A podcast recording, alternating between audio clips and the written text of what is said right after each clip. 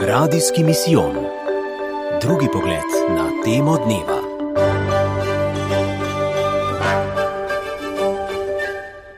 Drage poslušalke in poslušalci, lepo vas pozdravljam. Moram povedati, da v trebuhu čutim eno tako rahlo tremo, a naj Bog govori po meni in naj besede usadi v vaše srce. Danes imam eno tako lušno temo in sicer kako zaneti veselje, ko je pa toliko škandalov. Dovolite mi, da vam spregovorim o eni svoji osebni izkušnji. Ko sem vstopil v prvi letnik bogoslovja iz vasi in kmetije, dokaj udaljene župnije, se jaz preselim v čisto, čisti center naše škofije, v Ljubljano. Med semeniščem in škofijo je samo pogačarjev trg. Doma, oddaleč, z velikim občudovanjem in z vso svetostjo gledam na škofe in duhovnike, z vso nedolžnostjo in tako kot en otrok. V Ljubljani pa sem kmalo spoznal, da so vsi okoli mene ljudje, ne glede na to, kakšen status je nosil v službi cerkve. Srečeval sem se tudi z veliko negativnega opravljanja, kritiziranja ni manjkalo, pospetništva, ljubosumju med, med mojimi brati. Pravzaprav se mi je zdelo, da je vse za nič. V vsem tem vzdušju sem spoznal, da tudi sam postajam takšen, kritizaški, slabe volje, zagrenjen in vse okoli mene se mi je zdelo, da je za nič, da je v cerkvi samo še, samo še kakšno pospetništvo in slaba volja. Bogu hvala mi je bilo spoznano, da to nisem jaz, da se v tem ne počutim dobro. Vso zadevo sem zaupal spovedniku, gospodu Rafku Lešniku. In on mi reče in mi postavi vprašanje, kdo te je poklical v duhovništvo? Ali je tisti, ki te je v duhovništvo poklical, a te je on tudi pohujšal? In kmalo mi je bilo jasno, da govori o Jezusu. Jezus je mene poklical v duhovništvo, Jezus je mene poklical, poklical v življenje in Jezus mene ni nikoli razočaral. In na koncu mi še pomenljivo reče: Bodi boljši, glej, da ne boš takšen, ti spremeni sebe, drugega ne moreš. Ravno tako en moj starejši duhovnik mi je govoril in sicer pravi: Ko sem prišel v semenišče, mi je rektor oražem rekel: Vi ste prišli zunanje srednje šole in mislite, da so bogoslovci sami svetniki. Veste, da se ne boste pohujšali, pohujšali, svetijo se svetijo, pa vendar svetniki pa niso. In tako pravi, za vse življenje mi je rešil problem pohujšanja. Te zadeve so mene reševale in me danes še tudi rašujejo, ko moje misli prepravi skušnjava, da je vse slabo, da gre vse narobe, da se ne splača truditi. Škandali, kaj so škandali? Škandal je posledica greha, greh pa je vedno ločitev. Če je namen vite za teme ločevati ljudi od Boga, drug od drugega in ne nazadnje od samega sebe, potem mu škandali kar uspeva. Za mene je škandal tudi tole. Bil je čas pred novo mašo v neki župniji. Čas pred novo mašo v neki župniji je tako, tako zgledal, da smo ponovadi tudi do bogoslovci že nekaj dni pred novo mašo sodelovali in pomagali in živeli v tej župniji, dokler ni prišel nov mašnik in smo. Ma to je bilo vedno tako lepo, čudovito vzdušje, veselo in bili smo vedno zelo lepo v kraju sprejeti in vedno je bilo zelo lepo. No, rahlo pa veliko veselje enemu bogoslovcu odpre usta in na glas v zakristiji, pred vsemi ljudmi, ministranti, nami bogoslovci, mežnari, pa še par ključarjev, pa še par možakarjev, na glas se pohvali. Moj ati je malar in farba stene, jaz bom pa župnik, pa bom farbal ljudi. Te besede je slišal odrasel moški in je rekel: Aha, če pa vi farbate ljudi, potem pa dio. Nešovani za kristije in takrat naprej, ne vem, ampak vem pa to, da ni več zahajal v crkvu. To ga je tako prizadelo. In vprašanje, kdo bo nosil odgovornost za takšno odločitev tega moža. Pohujšanja in škandali zares odbijajo in predvsem zamaje tiste ljudi, katerih vera in poučenost o Bogu je na tehnici. Torej, vsak greh, ki ga jaz osebno naredim, je pravzaprav škandal za mojo sveto crkvo, za mojo mati crkvo, ki me je s krstom rodila, za Jezusovo nevesto, po kateri sem prejel darove duhovništva, kot da bi z grehom pravzaprav hm, pluvam v lasno skledo. In škandalov je ogromno. Žalosti me škandal, ko so moji farani med seboj, ko se med seboj kregajo in se ne pogledajo, ko med stiskom roke, ko jih povabim k pozdravu miru, da sosedu ne da roke. Škandal je vsaka neiskrenost med ljudmi, ki jim rečem bratje in sestre, in seveda vse do tistih v nebo pijočih škandalov, ki so zelo vidni, javni, upevani po medijih, ki so tudi gnusni in starjeni strani tistih ljudi, ki so v službenem služenju ljudem. In jasno, to v človeku sproža logična vprašanja: zakaj bi se trudil? Poglej, kakšni so ti med seboj, ki se kličejo kristijani in ko Boga imenujejo za očeta in ki se med sabo kličejo bratje in sestre, poglej, kakšni so in to res odbija. Zato razumem in slišim težke odzive, ki so zelo povezani s čustvi razočaranja, jeze in žalosti. Svet nam postavlja ogledalo in bodimo hvaležni, da nam ga. Svet nam sporoča, da naredimo škandal vsakič, ko stegujemo roko po zemeljskem, po poganskem, na mesto po nebeškem, da naredimo škandal čisto vsakič, ko stopamo iz občestva k posamezniku, ko na mesto občestva poslušam svoj jaz, ego.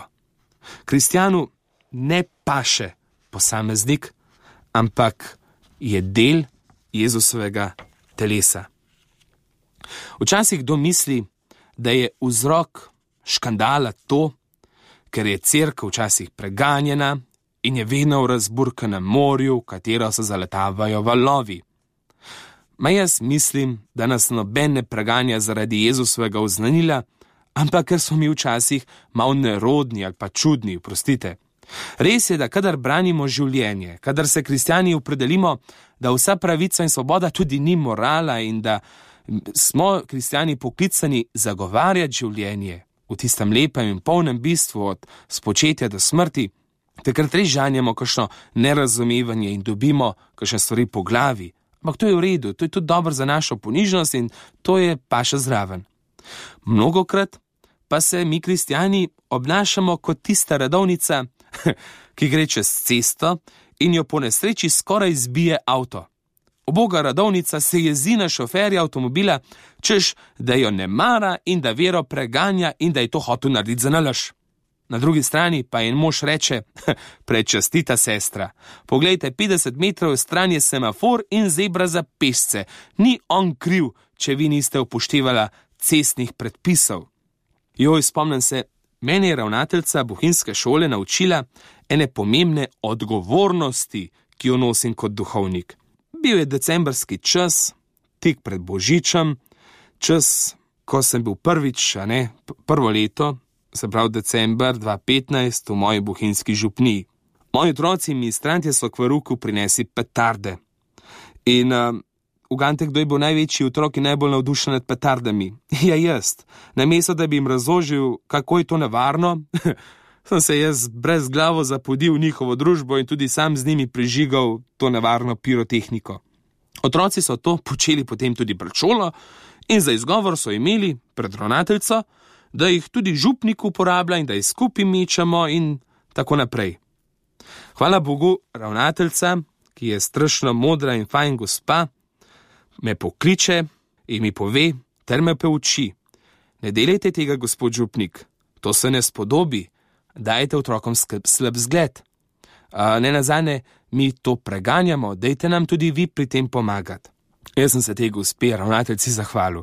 Jaz sem bil silno hvaležen, mi je bilo pa tudi rahlo nerodno in tudi me naučile ne dobre lekcije. Uh, to, kar mislim, da mi včasih kristijani malo pozabljamo. Ona mi je postavila ogledalo in mi povedala, kaj in kako. In z veseljem sem to sprejel in sem bil vesel in navdušen. In spoznal sem, ni meni treba biti popoln, ni meni treba narediti nobene napake. Ampak moj glavni cilj je pa to, da prinašam odrešenje, ki ga je Jezus storil tudi v mojem življenju.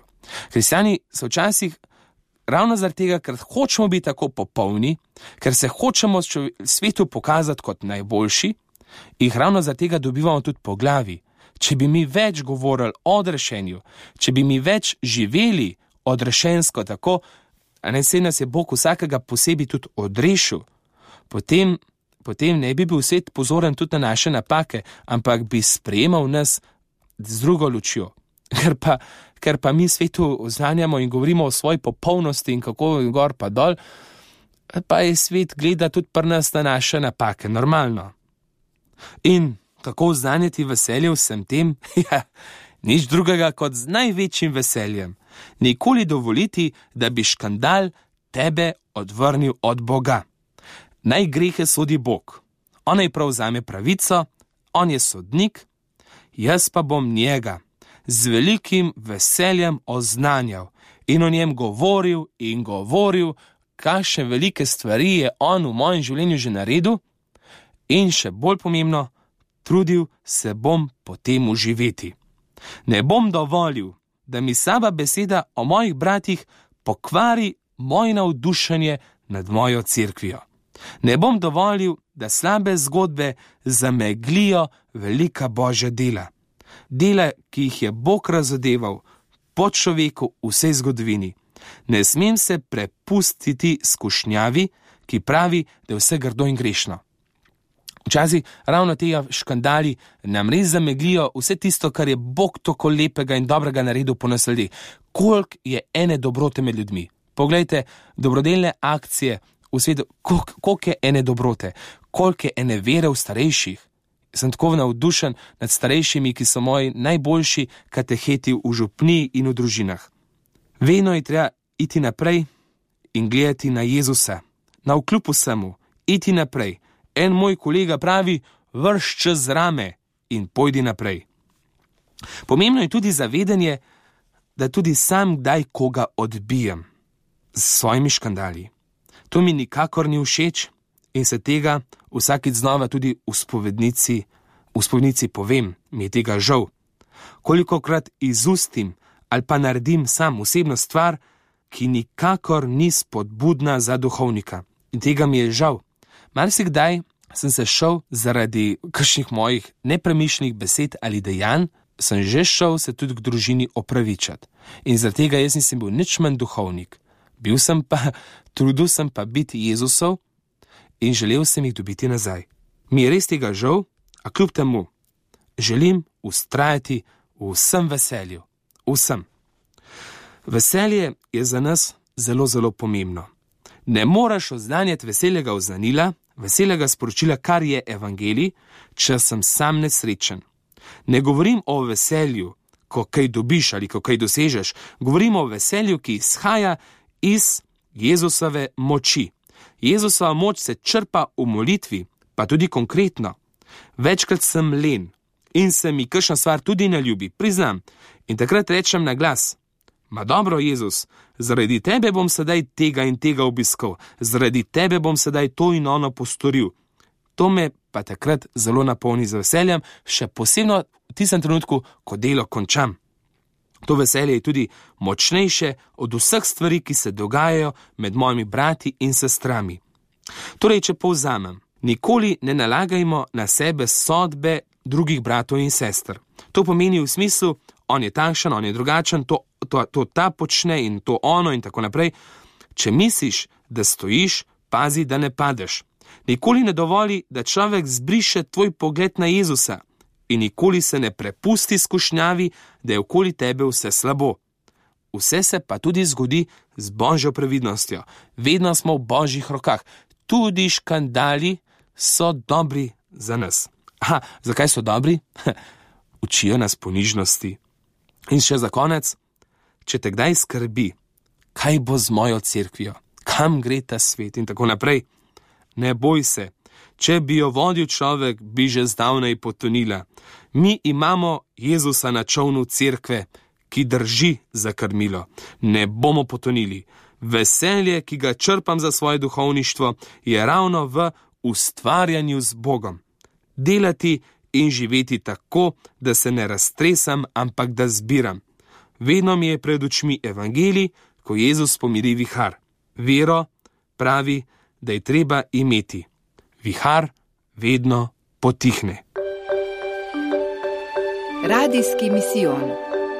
Drugi pogled na temo dneva.